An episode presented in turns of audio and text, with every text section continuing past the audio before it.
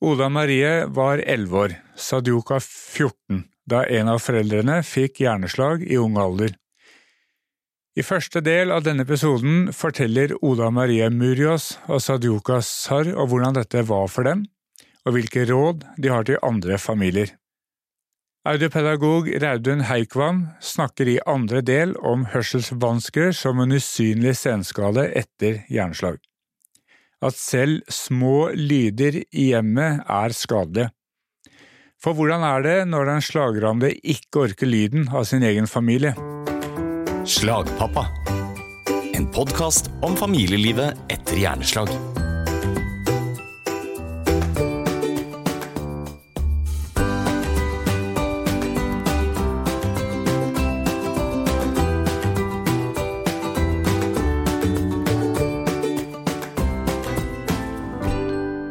Velkommen tilbake til Slagpappa, og takk for at du hører på podkasten. Oda Marie og Sadioka, kan dere fortelle litt om dere selv? Ja, mitt navn er Oda Marie Muriås. 22 år gammel. Jeg studerer ergoterapi i Stavanger, og jeg har en pappa som fikk hjerneslag i 2012, da jeg var 11 år gammel. Det var jo veldig tungt for meg, når du er i en alder der man er kanskje usikker. Man utforsker litt. Man finner ut hvem man er, på en måte. Og Sadioka, du var 14 Det stemmer. da mammaen din ble rammet. Eh, Men hvem er du i dag? I dag er jeg blitt en eh, 25 år gammel eh, mann som studerer musikkvitenskap i Bergen. Mm. Ola Marie, da du var 11 år, hvem var du da? Det er jo en ganske god stund siden, men jeg husker på en måte akkurat den perioden rundt da pappa fikk slag veldig godt. Um, Det er jo på en måte noe man ikke bare legger fra seg. Um, Men jeg var jo egentlig delvis en sprudlende jente, men samtidig så sleit jeg litt. Med tanke på skole og venner og sånne ting. Jeg blei jo mobba på barneskolen, så det hjelper jo ikke akkurat så veldig på når pappa fikk slaget sitt. For det skapte jo på en måte bare mer usikkerhet og ustabilitet for min del. Og så skjedde jo det at pappaen din eh, fikk slag. Husker du den eh, dagen? Ja, jeg husker den dagen veldig godt. Jeg hadde vært på eh, handletur med bestemora mi i Ålesund, og så på senteret på Moa. Og så skulle vi ta bussen hjem for å ta ferga over. Og jeg sang da i kor den perioden, som jeg skulle prøve å rekke ei tidligere ferge, slik så at jeg, jeg fikk nå korøvinga. Um, Men så hadde det seg slik at vi hadde klart å glemme noen poser på bussen, så vi måtte gå av bussen for å hente posene. Um, og så kom vi oss på ferga til slutt. Og da måtte vi um, Eller hadde vi sett feil rute. Vi satte feil fergerute, og så får hun bestemora mi en telefon fra mamma. Og de, denne fergeturen varte i en og en halv time, altså, fordi vi hadde satt feil på ruta. Og det var nesten med en gang vi kom på ferga. Og så sier hun mormor til meg Han pappa ligger på sykehuset. Og jeg husker bare jeg tenkte hæ? Jeg skjønte ingenting. Du kan jo tenke deg som en elleveåring å få denne beskjeden på ferga. Det det er ikke behagelig. Og så fikk jeg beskjed om at det var et hjerneslag. Jeg tenkte hjerneslag? Hva, er det noe som har slått han i hodet? Altså, jeg forsto ikke helt. Og jeg kom hjem, og det var jo rett på korøving, for jeg skulle jo på korøving, jeg. Det var liksom noe så fast bestemt, og du ser på en måte ikke alvorlighetsgraden i det når du er så ung heller. For jeg ante jo ikke hva det var. Og jeg kom på korøving, og jeg var jo litt sein, og så fortalte jeg det til vennene mine som var der, at eh, han pappa han lå på sykehuset. Han har fått hjerneslag. Og de også skjønte jo ikke hva det var, men likevel så skjønte ikke jeg hvorfor jeg møtte opp på kor, da. Og det kan jo man spørre seg sjøl om også, hvorfor man stakk uansett, men så er det det Når man er elleve år, så klarer ikke man å se alvorligheten i det. Så ja, det var egentlig den dagen jeg kom hjem og husker mamma hun Altså, vi trengte jo nok hjelp som det var fordi av han pappa, for mamma hadde jo nylig operert. Så vi trengte jo hjelp i heimen, men så plutselig så ble alt snudd opp på hodet på få timer. Det var Det var veldig rart. Og det sånn jeg snakka med pappa også om den dagen, så sier han det at ja, er det noe jeg ikke klarer å spise lenger, så er det denne, en sånn hvit julepølse eller noe sånt. For det var det han sto og lagde den dagen. Så det er liksom rart hvor mye man klarer å huske sjøl om det skjedde så lenge siden. Mm. Klarer liksom å huske veldig detaljert. Hvordan var det gikk med pappaen din eh, sånn etter hvert som, eh, som han fikk sykehusbehandling og Jo, altså, vi var jo og besøkte han på sykehuset i Molde. mm. Um, og sånn som pappa han trodde jo egentlig først sjøl at det, det, det Når han fikk før, eller Den dagen han fikk slaget, så trodde han det at eh, han hadde mista stemma. Siden han, var jo, han er jo lærer, eller var jo lærer. Og det lærere kan jo av og til Altså, de snakker så mye at de må spare på stemma, rett og slett. Så han tenkte jo på en måte ikke noe over det den dagen. Um, men sånn i ettertid sånn, Nå så jo ikke jeg han før jeg møtte han på sykehuset igjen. Og jeg husker det at når jeg så han på sykehuset, så husker jeg at han var skeiv i smilet. Og det er noe han ikke tenkte over sjøl, eller var observant på sjøl. Men jeg så det. Um, og jeg husker også når vi var på sykehuset, så var alle og satt seg i senga med han og liksom satt ved sida av oss, og jeg husker jeg gikk ned i sykehuskiosken i stedet for å være med pappa. Mm. Så ja. Altså, Var det fordi du ikke orket å være inne hos han, eller? Jeg tror det var det at jeg, Altså, jeg var jo glad for å se han igjen, men så var jo det veldig tungt, for jeg så jo hvor sliten han var. Mm. Um, og så var det litt det der også med at der, om jeg mista han, så kanskje ikke ville være like sårbart for meg om jeg skjerma meg sjøl og trekte meg unna. Altså, ja. Sadjuka, kjenner du igjen eh, din historie i eh, Ola Maries? Ja, på, på mange måter. Det er veldig fascinerende å høre på, for det er jo veldig mange av disse elementene som, som jeg har opplevd, men som jeg, har, jeg kjenner jo ingen andre som uh, har vært i lignende situasjon. Så ja, veldig mye uh, resonnerer veldig, og uh, ja, jeg kjenner meg igjen i, i mye av det. Spesielt det med at man husker veldig mange detaljer fra dagen det skjedde. Hvordan var den dagen for deg da mammaen din fikk slag og du var 14? Det var Jeg husker ikke hvilken dag det var spesifikt, men jeg hadde hentet lillebroren min fra barnehagen. Det er et ti års gap mellom meg og han. Så jeg bare passet han, og så hadde mamma vært på jobb, og så skulle hun komme hjem etterpå. Og så ble timene senere og senere og senere. Og senere. Og så var det noen som ringte på.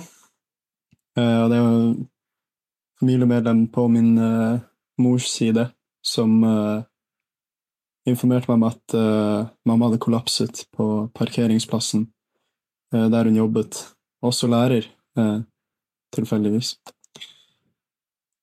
Og blitt tatt til sykehuset. Så jeg og lillebror fikk beskjed om at vi skulle sove hos faren min den, den dagen. Så vi ble kjørt bort dit, og så Står opp dagen etterpå og går på skolen. Så det var eh, kjempemasse man husker fra, fra de dagene. Jeg husker, jeg husker også hva vi eh, lagde, som også igjen tilfeldigvis var eh, pølser. Eh, så ja. Men det å, å, være i den posisjonen hvor man det, det, er liksom, det er en følelse av at noe kan gå galt, men du vet ikke helt hva. Disse tingene skjer jo ikke i hermetegna. Eh, jeg hadde aldri hørt om det før, jeg var ikke vant med konseptet eller diagnosen. Jeg hadde ingen kunnskap om noen symptomer man kunne forvente, og eh, jeg fikk jo ikke se henne før mange dager etterpå, så jeg ble jo mer eller mindre da bare informert i veldig stor grad om at dette har skjedd, dette er alvorlig, av familie, mormor kom på besøk, onkel kom på besøk, og av lærere. Og så, eh, ja, for meg personlig så gikk det jo ikke inn over meg at uh, dette her var uh, reelt og alvorlig før jeg besøkte henne på Haukeland. Mm. Og hvilke tanker var det dere gjorde dere etter at dere kom hjem med mammaen og pappaen deres fra sykehuset? Hva var det dere tenkte om tiden fremover? For meg så ønsket jeg jo egentlig at ting bare skulle gå tilbake til normalen. Mm. Og uh, mamma var veldig flink på det å fortelle og erkjenne da, og anerkjenne at etter en slik hendelse så kommer ikke ting til å bli sånn som, som det var før hendelsen. Og det tok meg veldig lang tid å innse, så jeg var jo egentlig eh, mest eh, i den tanken om at dette har skjedd, men gi det et par måneder, så kommer du ikke til å være like sliten, og disse tingene kommer til å å ordne seg og gå over. Men uh, man innser jo etter hvert som man blir eldre, at uh, kroppen påvirker sinnet like mye som sinnet påvirker kroppen. Og man må da justere og venne seg til at nå er du i en ny posisjon og har behov for nye ting. Og da må jeg og hun uh, tilpasse oss det. Samme lillebror også, som var veldig ung på tidspunktet. Mm. Ja, for at han var ti år yngre enn deg da. Riktig. Ja. Som betyr at han var fire når det skjedde. Mm. Mm. Hva var det du tenkte, Oda Maria? Hvordan tenkte du at uh, det skal bli fremover? Nå husker ikke jeg så mye ifra pappa kom hjem igjen, egentlig, fra sykehuset. Jeg husker mest perioder da han var på sykehuset. Mm. Fordi det var jo en, ja, en stor bekymring, skulle jeg til å si. Men jeg veit ikke. Det var jo det at jeg trekte meg unna. Og han var Altså, jeg husker Nei, jeg klarer, ikke, jeg klarer egentlig ikke å si noe, for jeg husker egentlig ikke så godt nei. periode etter. Nei. Hvilken informasjon fikk dere fra sykehuset? Hva fikk dere vite om måte, senvirkninger og tidsperspektiv og sånne ting? Jeg fikk egentlig ingen informasjon. Nei. Det eneste var vel kanskje igjen noe jeg på en måte ikke husker så mye ifra. Men, eh, men når pappa var på Sunnaas, så ble oss tatt med inn på et tverrfaglig møte for å forstå litt. Men ikke noe annet enn det. Jeg fikk ingenting. Det var liksom kun ifra familie. Mm. Så ja. For dette var jo i 2012, eh, og som vi har vært litt inne på tidligere i podkasten, så er jo eh, det med barn som pårørende, for det er jo en merkelapp eh, man da får, uavhengig av hva man selv måtte føle eller mene om det. Men det kom jo inn i lovverket i 2010. Eh, og så ble det jo i 2015 gjort en stor studie, en stor kartlegging om på en måte hvor mye er det vi tar vare på barn av foreldre som er alvorlig syke eller har rusproblemer. Og der ble det jo funnet en del mangler. Eh, og de manglene er nok eh, i stor grad gyldige fortsatt, nesten ti år etterpå. Det kan også være litt tilfeldig hvor mye barna blir ivaretatt både på akuttsykehus og på rehabilitering. Altså Noen får hjelp, og noen ikke. Noen sykehus har et system, andre har ikke, men det er ikke et overordnet nasjonalt system som alle sykdom skal ha og har. Det er mer i teorien, men det er ikke helt i praksis. Men faren din, Oda Maria, var på Sunnaas. Ja. Og, og etter at han kom hjem fra Sunnaas, endret han seg, eller hvordan måte, var utviklingen hans? Det er jo som sagt denne perioden på en måte fra da han pappa fikk slaget, til jeg sikkert blei i videregående alder, nesten, at det, mye er blitt glemt. Mm. Men sånn Jeg husker jo det at han var mye sliten. Mm. Um, jeg husker en gang jeg så på Moa og skulle handle til jul. så kunne han plutselig gå og legge seg i bilen, fordi Altså, han visste ikke egentlig helt hva som var galt, eller hva årsaken var, men han var så utmatta og sliten. Og det er sånn, somme ting irriterte meg, at han på en måte bare gikk og skulle legge seg, eller han kunne ikke hjelpe meg med det fordi han skulle legge seg, for han skulle slappe av. Um, og mamma også ble noe irritert, fordi at jeg, de hadde jo planer om å reise ut, og så liksom gikk han bare og la seg. Og da kunne det være kun denne kjøreturen. At han ble sliten av kjøreturen, så gikk han og la seg etterpå. Altså, jeg husker veldig godt det der at det på en måte Det var litt frustrerende, og det gikk jo litt utover kanskje hele familien, da, at vi ikke forsto hva det var, og ikke han heller egentlig forsto hva det var. Mm. Så ja.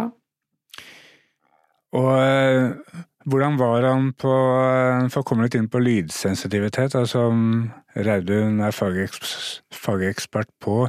Men hvordan var faren din på det at dere pratet mye munn på hverandre, og det var mye sånne klikkelyder på kjøkkenet og uventede lyder? Det veit jeg egentlig ikke helt. Det er jo vel mer dette at man la merke til at han ble så fort sliten. Mm. eh, At han gikk og la seg. Det er vel mer nå i dag jeg på en måte kanskje legger merke til det, at han reagerer på støy. Mm. Og det, det kan være Altså, jeg er veldig, veldig glad i han pappa, men når han tar seg disse proppene det er Fordi han har noen sånne propper han setter Mm. setter i, og så hører han på sin egen lyd da, for å få dempe vekk alt annet. Men dette kan han finne på å gjøre når ingen andre vet om det. Så det blir jo som å snakke til en vegg av og til. Det kan være litt smule irriterende, men mm. Mm. Og så har jeg på en måte skjønt tegninger da, til slutt, at det, nå, nå er han i sin verden, på en måte. Mm. Men så er det jo også, eh, som en tidligere gjest jeg sa, en psykologspesialist sa at eh, du kan være lei av skaden, men jeg er ikke lei av deg. Mm. Altså Jeg ser Sadioka at du nikker veldig. Er det noe du kjenner igjen? Ja, Ja. men jeg, jeg tror det kommer til å resonnere med nærmest alle som hører på det. Mm. det var, mamma hadde jo også, eh, i likhet med Oda Marie sin eh, far, Og en fatigue som tilsynelatende vedvarte og vedvarte og vedvarte. Mye mer så enn den klassiske at du, du har trent og er litt sliten. Mm. Eh, det var en Det var i hvert fall slik jeg tolker det, ikke en, en mangel på vilje. Det var bare at det batteriet fysisk var ikke like stort som det det en gang var. Og eh, ja, det tok litt tid å venne seg til, men eh, hun, var, eh, hun var veldig tydelig og veldig eh, forståelsesfull i situasjonen at jeg ikke forsto det så tidlig. Og veldig mye kred til henne for det. Mm. Men hvilken hjelp var det dere fikk i denne første perioden?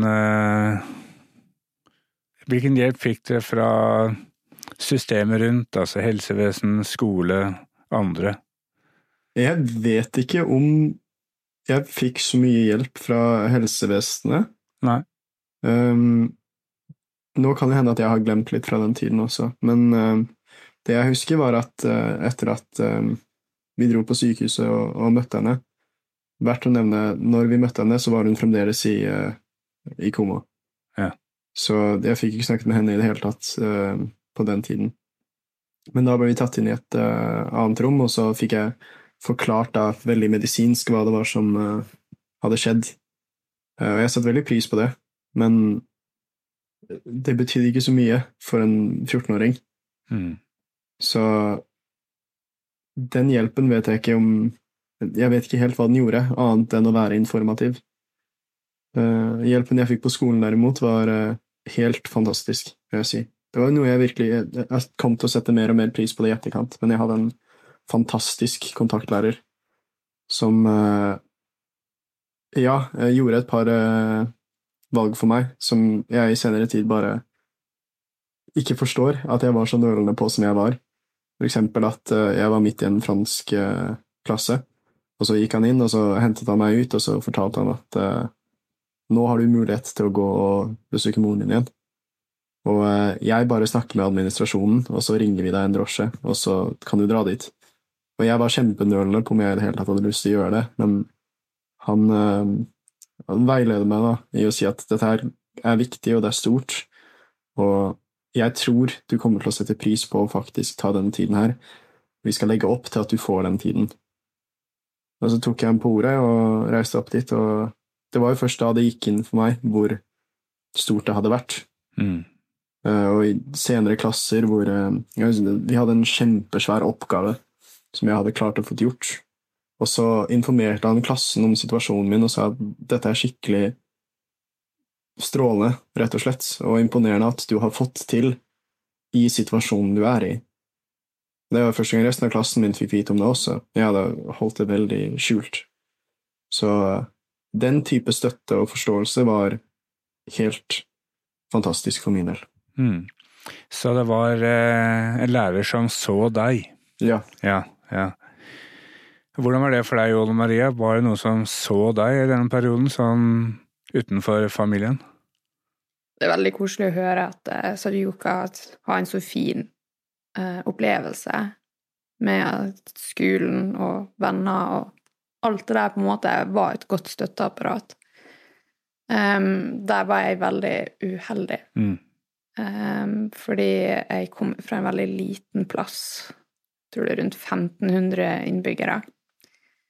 Så med en gang pappa ble henta og sendt på sykehuset, så visste jo alle om det, egentlig. Og det som var så dumt, er jo at barn er så stygge og slemme med andre barn. Og det var en periode jeg ikke hadde trengt å få høre det jeg fikk høre, fordi jeg ble jo mobba på barneskolen. Og min mobber kom til meg på bussen og sa faren din ligger på sykehuset og dør. Det var en veldig tung beskjed for meg å høre. Det var Ja. Jeg tror det er en av grunnene til at jeg trakk meg veldig unna også. Og jeg kunne bare ønske det at også lærerne så meg, at jeg var synlig for dem, og at kanskje de tok meg til sides, eller på en måte passa på at jeg hadde det bra. Jeg fikk tilbud om å snakke med helsesøster med skolen, men problemet var jo det at dattera hennes gikk i klassen over meg, så det blei på en måte så nærme igjen, og det Det gikk på en måte ikke, da. Jeg syns det også ble veldig feil for min del, og mamma tror jeg også syns det, det Hun ville spare meg for det, for det blir så Det blir så upersonlig, på en måte, når det blir noen du kjenner fra før av Mm. veldig, veldig godt. Mm. Så nei, det var en veldig tøff periode å stå i det på en måte alene, og vi var jo med tre søsken. Eh, en storebror, meg og så lillebroren min. Og lillebroren min er sju år yngre enn meg. Eh, så han Altså, når jeg kom dit og på en måte var litt mer usynlig, så var det kanskje vanskeligere også for min egen familie å se hva jeg ville, eller hva jeg hadde behov for. Fordi alle ungene hadde jo behov for noe. Mm. Så da er det lett at den usynlige feller kanskje litt mer vekk og i hulene, da. Mm. Oda Marie og Sadioka, hvis hun også tenker litt tilbake og skulle ha gått gjennom de årene en gang til, med den voksenerfaringen dere har i dag, hvilken hjelp tenker dere nå i dag at dere hadde trengt den gang og de første årene etterpå? Altså, jeg føler det er veldig vanskelig å si hva man kunne ønske man fikk, fordi altså, det på en måte som har skjedd, har jo skjedd, og jeg veit hadde ting blitt annerledes, så har jeg kanskje alt vært egentlig veldig annerledes. Fordi altså, utfallet blir jo annerledes. Men jeg kunne ønske jeg ble sett, og at jeg hadde kanskje noen trygge rammer rundt meg. Noe som kanskje fikk meg til å innse det at jeg ikke trengte å ta den avstanden fra pappa, for han, han klarte jo seg. Eh, han lever jo i den beste velgående i dag, liksom.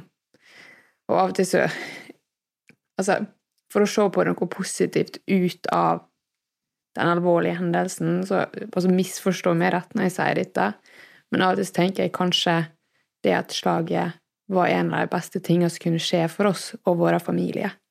For å se et positivt utfall i alvorligheten, så har det hjulpet både meg og pappa til å bygge et veldig sterkt bånd.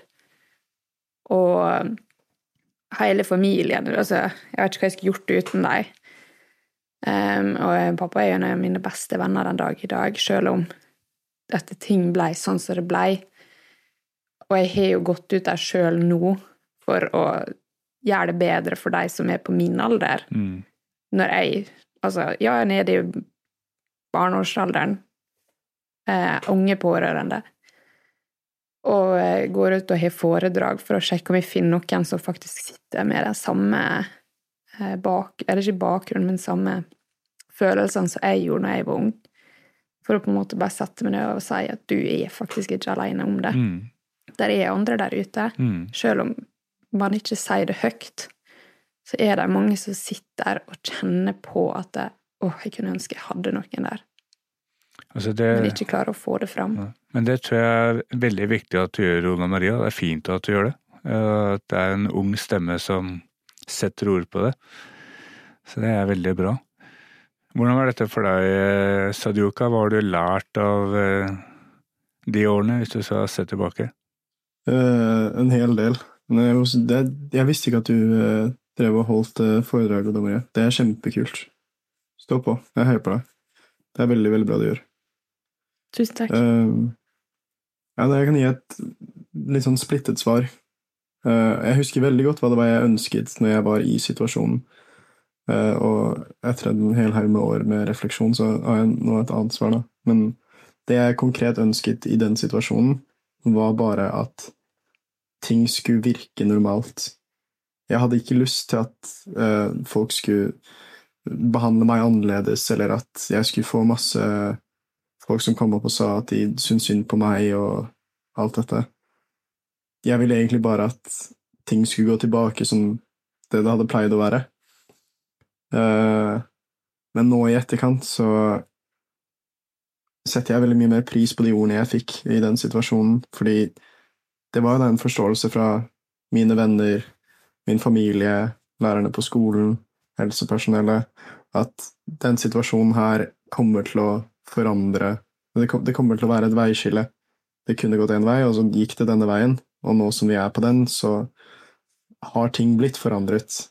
Og i den situasjonen ønsker vi å være her for deg og være støttende. Så selv om jeg i øyeblikket ikke ønsket den, så tror jeg det er den beste løsningen for slike situasjoner. Jeg synes det var en fin avrødning, jeg, Sadioka. Og da vil jeg bare takke dere for at dere var med i podkasten, Oda Marie Murios og Sadioka Sar.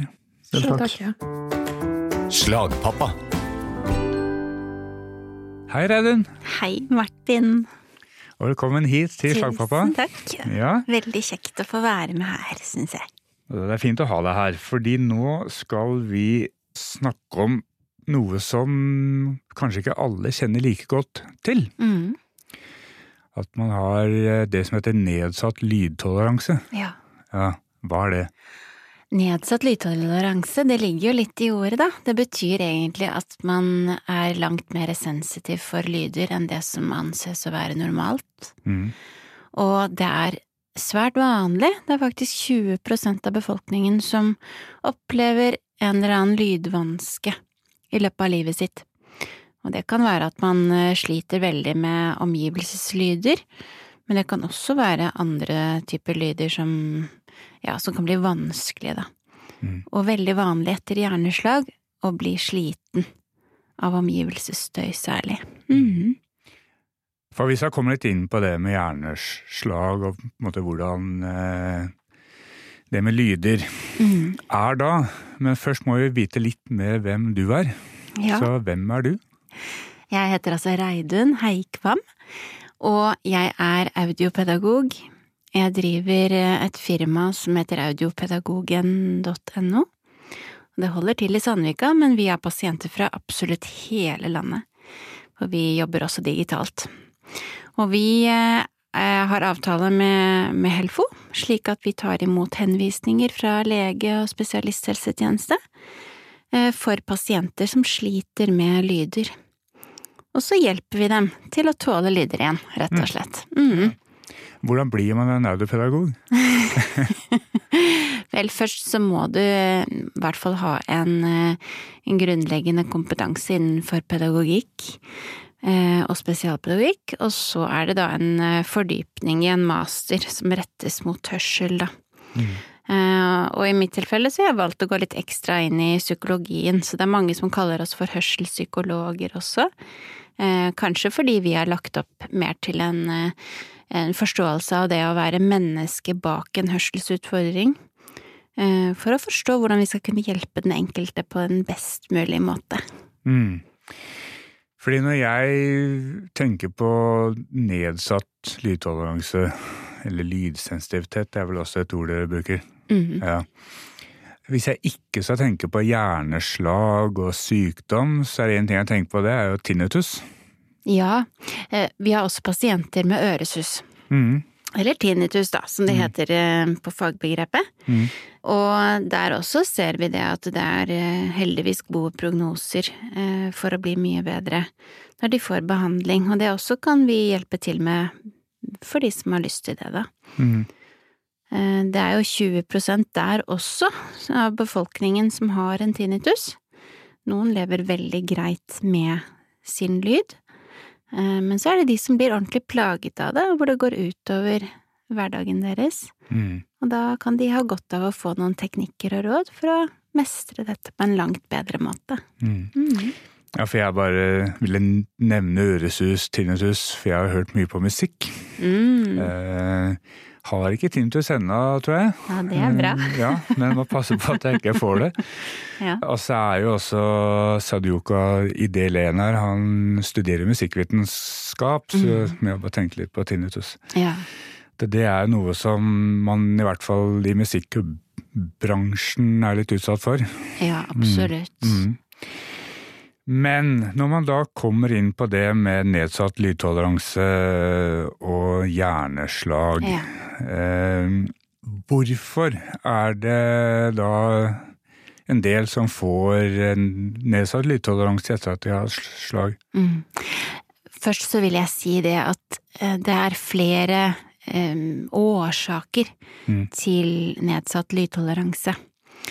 Eh, noen har da hatt hjerneslag, sånn som det du har opplevd, eh, og da er det ganske vanlig å bli sensitiv for lyd etterpå, og særlig hvis man kanskje har hatt et utfall i lillehjernen. Men man kan også få nedsatt lydtoleranse hvis man har hatt andre påkjenninger i livet, som langvarig stress, sykdom eller ja, diverse årsaker. Mm. Vi så også det etter andre nevrologiske utfordringer, Eh, men hjerneslag er ganske riktig en av eh, årsakene til en nedsatt lydtoleranse hos mange. Men hva, men hva vet man om hva som skjer oppi hodet som da gjør at hørselen blir påvirket? Da? Det vi merker, det er det at eh, hos en del som da sliter med forskjellig, eh, så kan det bli vanskelig å tolerere sanseinntrykk. Og hos noen så blir det rett og slett en forsterkning i lydsignalet. Eh, da må vi gå inn litt på anatomien også, og se hvordan, Mm. hvordan øret fungerer. Det skal vi ikke gjøre akkurat nå. Nei, nei. Men eh, en kombinert sett, da, så kan vi si det at det er både en, en opplevelse av at lyd får mer plass enn det som er normalt sett, nesten som om man mister et filter Mm. som til vanlig tar vekk en del unødvendig lyd, Ja, eller støy. Ja. Ikke sant? Mm. Mm. Og da kan det virke som at lyd blir litt sånn overveldende hvis det er flere lyder i omgivelsene. Mm. Så kan liksom alle lyder få førsteplassen. Ja, sånn, Eh, sånn at alt er like høyt, på en måte? Ja, ikke Ja. sant? Å nei. Og det er en sånn kakofoni av lyd, og det Mm. blir veldig vanskelig og slitsomt. Ja. Og så er det noen som strever litt med lyd, kanskje fordi de rett og slett er veldig nedkjørt og veldig slitne. Eh, Og da er det det som vi kaller toleransevinduet, som har blitt veldig, veldig smalt. Mm. eh, Som gjør at man lett går opp i en hyperaktivering, og da kan man bli hyperaktivert også av lydpåkjenninger, blant annet. Mm. Jeg syns noe av dette minner litt om fatigue. Ja, Ja. og veldig mange av våre pasienter som har fatigue, Ja. opplever jo en forsterkning i disse symptomene i de verste periodene. Ja. Mhm. Men det er riktig en slags lydtretthet, kan man kalle noe av det. Ja, fordi at det Vi som har fatigue eller hatt fatigue, vi, vi har jo blitt måte innprentet med at vi har lavere batterikapasitet, og du må regulere deg selv og gjøre mindre og legge en hvile, sånn at du på måte får en ny 100 da, Ja. i, i batteri. ja. Så akkurat det bildet der, det, det syns jeg ligner litt på det du sier, at måte alle lyder blir Ja. like høye. Og det er noe vi snakker mye om også på kontoret hos oss. Mm. Vi eh, prøver å gjøre en veldig god kartlegging av den enkelte for å se liksom hvor hvordan eh, landskapet ser ut litt hos den enkelte. Mm. Og hos noen er vi nødt til faktisk å gå- inn og se litt på energiregnskapet, og prøve rett og slett å eh, ja, få en bedre oversikt. Mm. Og en bedre forståelse av hva er det som gjør meg sliten, og hva kan jeg gjøre for å lade batteriene før de blir helt utladet, da. Mm. Og det kan vi jo se alle sammen. Altså nå, eh, hvis man er på et kjøpesenter, kan jo noen og enhver synes at det er utmattende med lyd. Ja. Eh, og det å Ja, men altså, dette Men man- er slitsomt uten Ja, jeg tror sånn ikke man trenger å være lydsensitiv Nei, nei, jeg tror ikke det. for å synes det, men jeg tenker at da er det også viktig å, å lære seg um, å kjenne sin kapasitet og lære seg å planlegge. Ja. Man trenger ikke være på et kjøpesenter for å, å måtte planlegge, men si at du skal i et selskap for eksempel, og, og har lyst til å stå i det på en bedre måte, så kan vi hjelpe til med teknikker for at du skal lære deg rett og slett å planlegge din energikapasitet på lyd, da. Mm. Mhm. Um, altså, du sa også her innledningsvis når det gjaldt slag, at det var særlig lillehjernen. Eh, hvorfor er det akkurat lillehjernen som på en måte blir den lyd... Vel, lillehjernen eh, styrer blant annet eh, oppfatning av lyd og lys, og vi kan se også finmotorikk og balanse. Mm. Eh, Og ikke unormalt så er det flere av disse eh, som blir affektert. Mm, Pasienter kan komme til oss og kjenne at det er vanskelig med finmotorikk, for eksempel, og balansen er et problem. Og så kan det være at mm, vi oppdager det at det har vært noe som har skjedd i lillehjernen. Nå trenger det ikke være lillehjernen som er eh, utslagsgiver på, på, for hjerneslaget sin del, men, men vi ser det at eh, i særlig grad de som har hatt dette her i lillehjernen, Mm. eh, opplever dette. Men det kan jo også være andre steder. Mm. Så jeg vil si det er en ganske normal, et normalt symptom hos pasienter med hjerneslag. Mm. Mm. At man blir sliten av lyd. Ja. Ja. Ja. Og da er det en diagnose som heter hyperakusis, Mm. som er da er det som er mest vanlig hos hjerneslagspasienter, og da er symptomet at man blir sliten typisk av bakgrunnsstøy, da. Mm. Mm. Men ser dere også altså Du har vært inne på fatigue, men, men altså er det på en måte Er det, er det forsket på hvorvidt eh, hyperakusis og fatigue har en sammenheng? At hvis du har hyperakusis, så får du mer fatigue, eller Altså, eh, akkurat om det ligger noen forskningsrapporter på det, det har jeg ikke oversikten på. Men det jeg ser, og nå har jeg ganske lang erfaring på dette feltet her, Mm. og jeg har fått liksom et hjerte for de som har hjerneslag også, Mm. det er at det blir særlig vanskelig i fatigue-perioder. Og det ene kan absolutt forvanske det andre, Mm. og Mm. omvendt. Mm. Ja. Så hvis du har en fatigue, så er det naturlig nok at du blir mer sensitiv Mm. eh, for sanseinntrykk generelt, kanskje, men særlig lyd. Og så er det slik at hvis det blir for mye støy, så kan det gi et spark til eh, fatiguen, slik at det kan bli litt ekstra. Eh, og det er det jo mange som kjenner igjen på også, hvis de har vært utsatt for perioder med mye stress. Mm. Og stress er jo individuelt også, hva man blir trigget av. Ja, Eh, så kan det gi utslag slik at man får en ny fatigrunde og, og også da en hyperakusis eller nedsatt lydtoleranse. Mm, Mhm. mm. Men hvilke lyder altså, En ting er den kakofonien, Mm. eh, men det er kanskje ikke alle som får den kakofonien hele tiden, vil jeg tro? Nei, jeg, jeg skal prøve å forklare det litt, eh, Ja. fordi det varierer veldig fra person til person hvilke lyder som oppleves vanskelige, Mm. og for noen nesten invalidiserende. Og så har vi noen som er redde og engstelige for at lyder kan skade, eller at lyder kan bli så problematisk at de opplever det som særs vanskelig og kanskje må dra hjem, eller ja, de blir egentlig litt engstelige for situasjoner hvor lyd kan bli et problem. Men eh, akkurat hvilke lyder, altså det, det som ofte går igjen er typiske bakgrunnslyder. Så hjemme så kan jo det være alt fra oppvaskmaskinen til kjøkkenvifte, skravling, det kan være TV-en som står på eller en radio. Og så er det jo ofte slik at man bor sammen med andre som har lyst til å leve sine normale liv, og så blir det en liten kollisjon og se du flirer litt. Ja, det er jo sånn. Og så kanskje barn? Ja, barn, ja, Ja. ikke sant, i forskjellige aldre. Mm. Så det er ofte der man kan kjenne det litt igjen. Mm. Eh, og litt som det vi også har hørt her med eh, at mange bruker ørepropper. Ikke sant? Det er lett å ty til, og man kan kanskje få litt eh, velmente, men dårlige råd da, av fagfolk som kanskje ikke egentlig har så god greie på nedsatt lydtoleranse eh, om at det er bare å bruke ørepropper, og så går det sikkert bra. Men da bør man absolutt ha en plan. Eh, Fordi bruker du ørepropper eller lydkansellerende headset som et hjelpemiddel da, for å ja, kunne være i omgivelser med mye lyd, så kan du til syvende og sist bli, ende opp med å bli enda mer sensitiv for lyd. For hjernen vår trenger jevnt med lydstimuli for å på en måte bli litt sånn herdet, på en måte. Mm. Mm. Og kan absolutt da få en, eh, en kunstig tilnærming til lyd gjennom da mye bruk av ørepropper. Det kan bli hvilepute, altså. Og det kan bli en dårlig hvilepute Ja, til ja. syvende og sist. Man kan gjøre seg selv en skikkelig bjørnetjeneste. Men det hender jo at vi anbefaler eh, ørepropper som har et såkalt filter i seg, slik at det siler vekk noe lyd, men ikke alt. Og da kan det være lettere å være i en sosial sammenheng, for eksempel.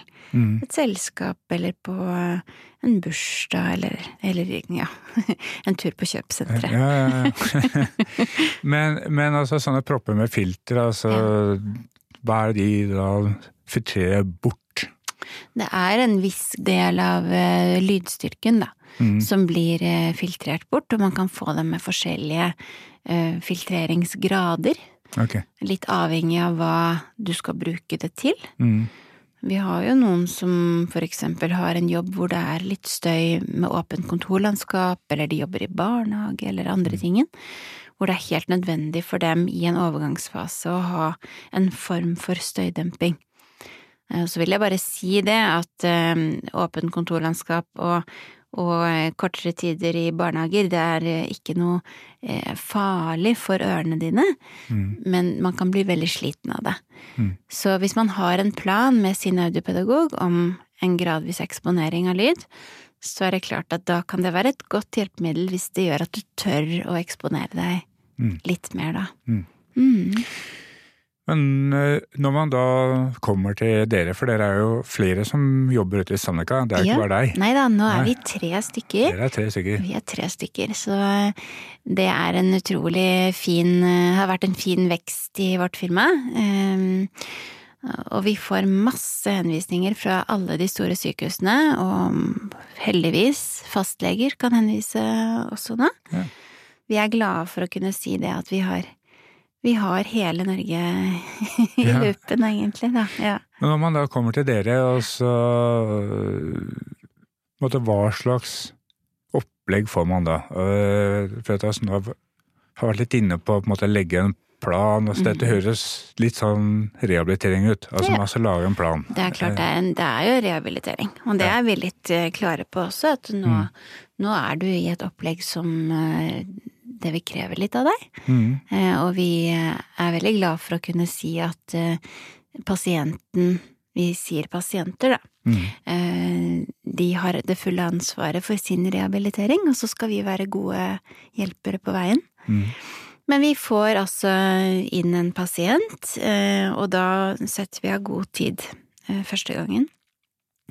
Og da liker vi å få til en kartlegging, og da pleier jeg å være veldig opptatt av at det skal være en hyggelig samtale. Altså, jeg har veldig tro på det selv, at hvis jeg skal kunne hjelpe noen, så må det være en tillit, tillit som ligger til grunn, og så vet jeg av egen erfaring også at det er mye lettere å åpne seg for en du kanskje har det litt hyggelig sammen med, så ja, vi setter frem litt kaffe, og det vet du.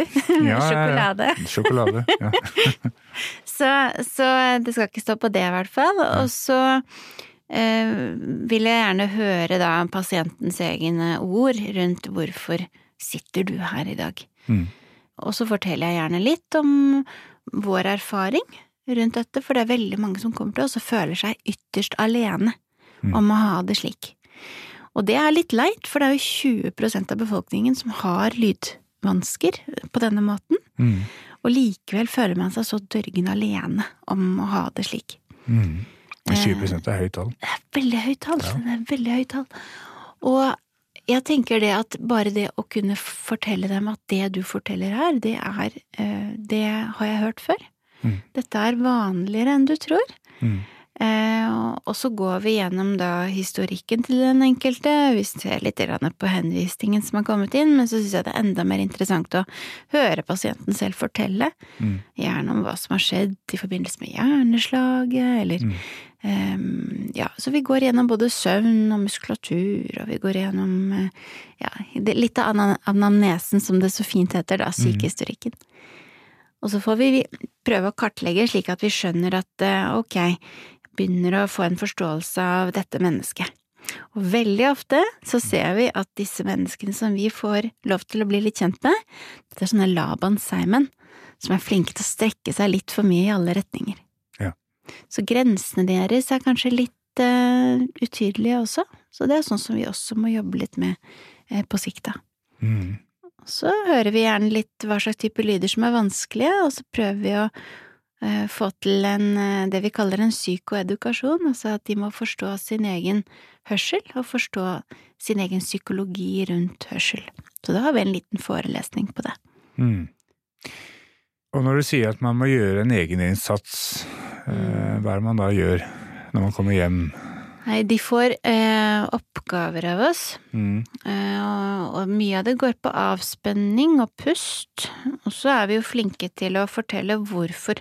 Er det, hvor er det vi skal hen, Mm. ikke sant? Mm. Så jeg sender aldri med oppgaver hjem, og så må du gjette på hvorfor du skal gjøre disse her. Det er, vi er jo liksom i et program, og jeg prøver å forklare hva som er hensikten med de enkelte oppgavene. Så det går trinnvis fra avspenningsøvelser til at vi kanskje må se litt på ok, hvordan står det til med dine ferdigheter innenfor fokusering? For det er litt viktig. Det er ferdigheter vi snakker om her, Mm. og ikke at evnen har blitt ødelagt. Forskjellen på evner og ferdigheter er at ferdigheter kan du trene opp, mens evner det enten har du eller har du ikke. Mm. Mm. Mm. Så eh, fokusering er en ferdighet, og da lærer vi dem eh, hvordan de skal håndtere lyder, for eksempel som det vi har snakket om i selskaper eller Mm. på, på et eller annet kjøpesenter, eller bare på det å kunne gå i butikken.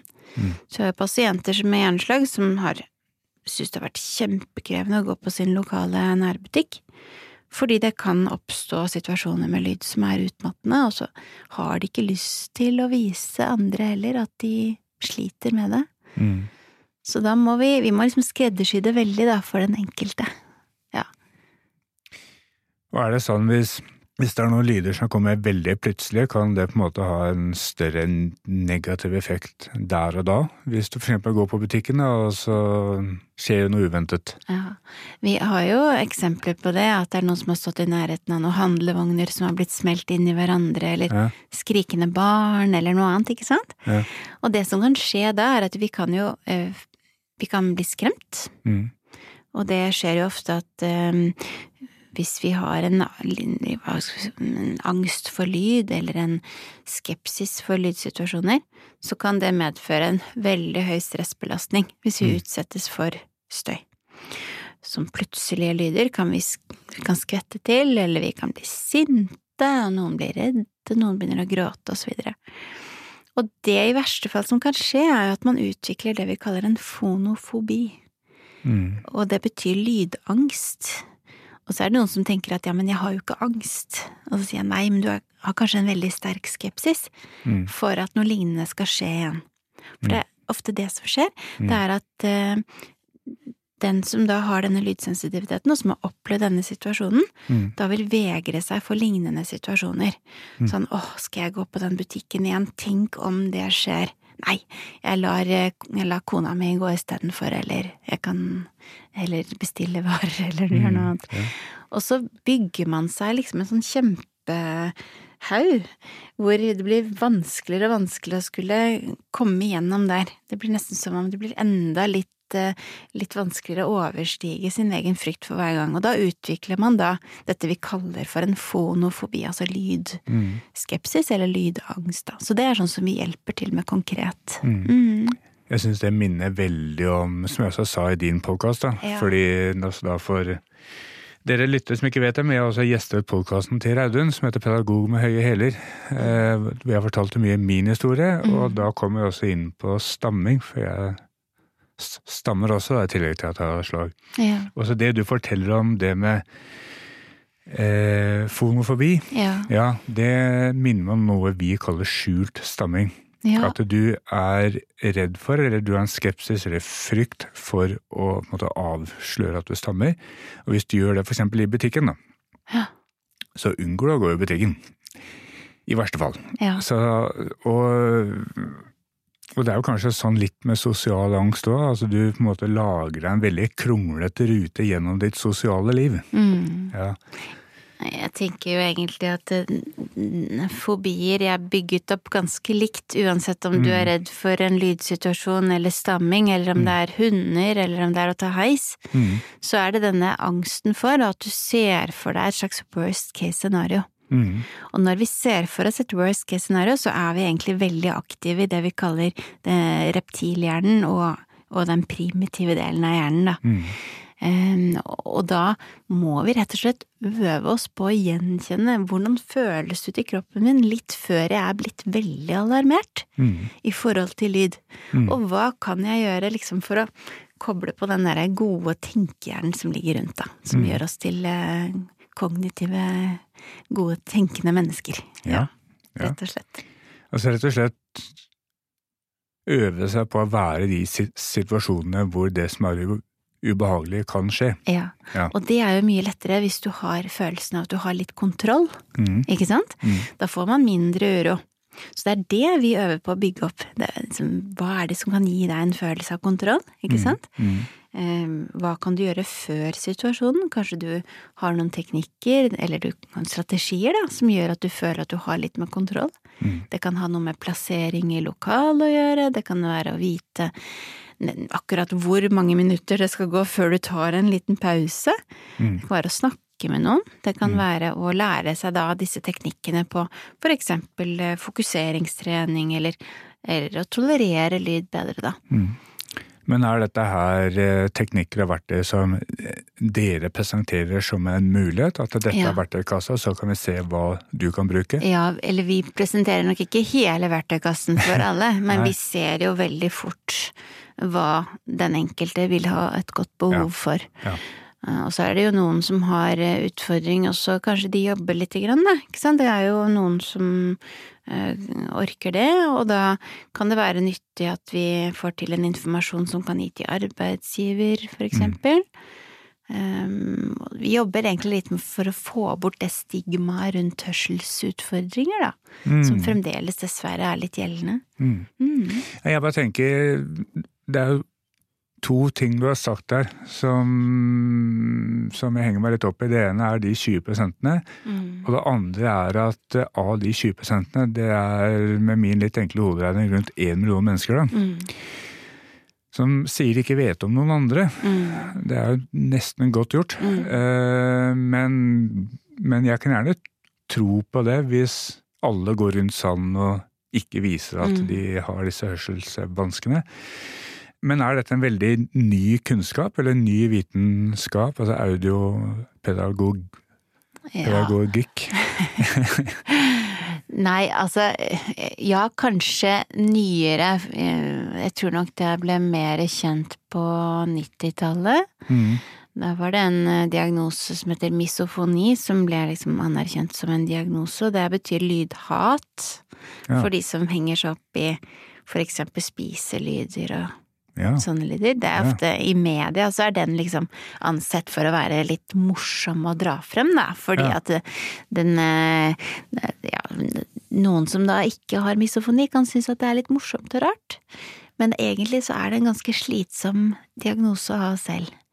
Ikke sant? Hvis du sliter med familien din som lager vanlige lyder rundt middagsbordet, for eksempel. Mm. Så da blir det et enormt fokus på disse lydene. Eh, og det er også sånne ting som vi kan hjelpe litt med. Mm. Men hyperakusis, altså jeg ville si det at eh, vi mennesker, vi har ikke plutselig blitt veldig annerledes. Altså vi har vært de samme over tid, men vi har en livsstil nå, en, en moderne livsstil, hvor det er mye stress, og det er eh, kanskje litt mindre av dette her og nå-preget. Jeg husker når jeg var barn, så hadde vi ikke mobiltelefon, og da måtte vi finne på ting mer selv. Så ordet stress var jo noe som kom inn litt senere i livet. Men det er klart man var lydsensitiv da også, hvis man hadde vært, eller stått i store påkjenninger over tid. Mm. Eh, Vi jobber veldig for å nå frem til sykehus og rehabiliteringsinstitusjoner, og jeg jobber som foreleser selv også Mm. på dette temaet. Mm. Og eh, det er utrolig nyttig at kunnskapen kommer frem, slik at pasienter som da ja, kanskje kan bli, få lov til å bli spurt om lyd også er et problem. Helsepersonell kan være flinke til å spørre pasienter om de opplever synsutfall, bevegelsesvansker, talevansker, Mm. og så er det liksom hørsel blir litt glemt i spørsmålene, Ja. veldig ofte. Ja. Så det har vi litt på for at Mm. eh, vi skal få dette mer inn. Mm. Eh, og jeg vet at LHL Hjerneslag også, de har vært flinke til å løfte frem dette. Jeg har fått lov til å være med i noen informasjonskampanjer der. Mm. Liksom, jeg har så lyst til at det skal bli noe vi spør alle pasienter om etter et hjerneslag. Hvordan opplever du lyd, for eksempel? Mm. For det er hjelp å få. Mm. Ja. Mm. Altså, en ting til jeg faktisk også henger meg litt opp i, det er hvorfor man selv bruker så lang tid. Fordi jeg har også skjønt selv at jeg har nok eh, hatt og har fortsatt en viss grad av eh, nedsatt lydtoleranse. Mm. Jeg merker forskjell fra før og etter slag, da. Mm. Men jeg kan ikke huske noe om at vi snakket om det på rehabilitering, eksempel. Mm. Eh, hvorfor bruker man så lang tid selv på å skjønne at det er også hørsel er en del av bildet her, da? Mm. Nei, det er et veldig godt spørsmål, Martin. Ja. Jeg lurer noen ganger på om vi rett og slett gremmes litt over at vi at vi syns det er litt flaut, at vi ikke tåler så mye som før, kanskje, hvis man har stått i en sånn type påkjenning. Ja. Eh, Jeg vet ikke hva som Nei. egentlig er årsaken til det, men jeg merker meg det, at hørsel som en sans blir litt sånn glemt Mm. i, eh, i spørsmålet om symptomer. Mm. Så det må vi gjøre noe med. Det må vi gjøre noe med. Eh, Hvor mange audiopedagoger er det i Norge, egentlig? Å nei, det vet jeg ikke. Men vi er ikke sånn veldig mange. Nei, Vi er en litt sånn sjelden rase. litt sjelden rase. Ja. Ja, Så da er det har- ekstra hyggelig da, å få Ja. lov til å, Ja. å hjelpe til litt. Mm. Dere har jo en stor oppgave, da. Ja, Ja, det har vi. Det er en stor Det oppgave å få mennesker. Ja. Ja. Ja, nei, men det blir jo da veien videre, tenker jeg. Eh, og hvis man vil vite mer om nedsatt lydtoleranse og audiopedagoger, så er jo audiopedagogen ennå der man eh, treffer deg og dine kolleger. ja, det stemmer. Og vil man vite enda mer enn det, så kan man også høre Pedagog med høye hæler, som er podkast du lager. Ja. Og det er blitt mange episoder etter hvert. Det er lagd masse kjempekoselige episoder, eh, Ja. og der er temaet ofte nedsatt lydtoleranse eller øresus. Mm. Og da møter vi mennesker som har en del å fortelle, rett og slett, som kan bidra inn i dette. Mm. Ja. Ja, så bra. Vi kunne sikkert ha snakket en god st- stund til, men vi runder av nå. Og så må jeg bare si mange takk for at du kom, og så du At du lærte meg, og sikkert mange lyttere, eh, mer om nedsatt lydtoleranse. Bare hyggelig, Martin. Og så må dere bare ta kontakt hvis det er noe dere lurer på. Rett og slett. Mm, tusen takk for meg. Er det noe du lurer på eller ønsker at vi skal ta opp i denne podkasten, send meg gjerne en e-post eller melding på Facebook eller Instagram. Du finner Slagpappa på Facebook og Instagram og på slagpappa.com. Podkasten er produsert av Megahertz Studio i Oslo og laget i samarbeid med LOL Jernslag og Afasi. Prosjektet er støttet av stiftelsen DAM. Mitt navn er Martin Aasen Bricht.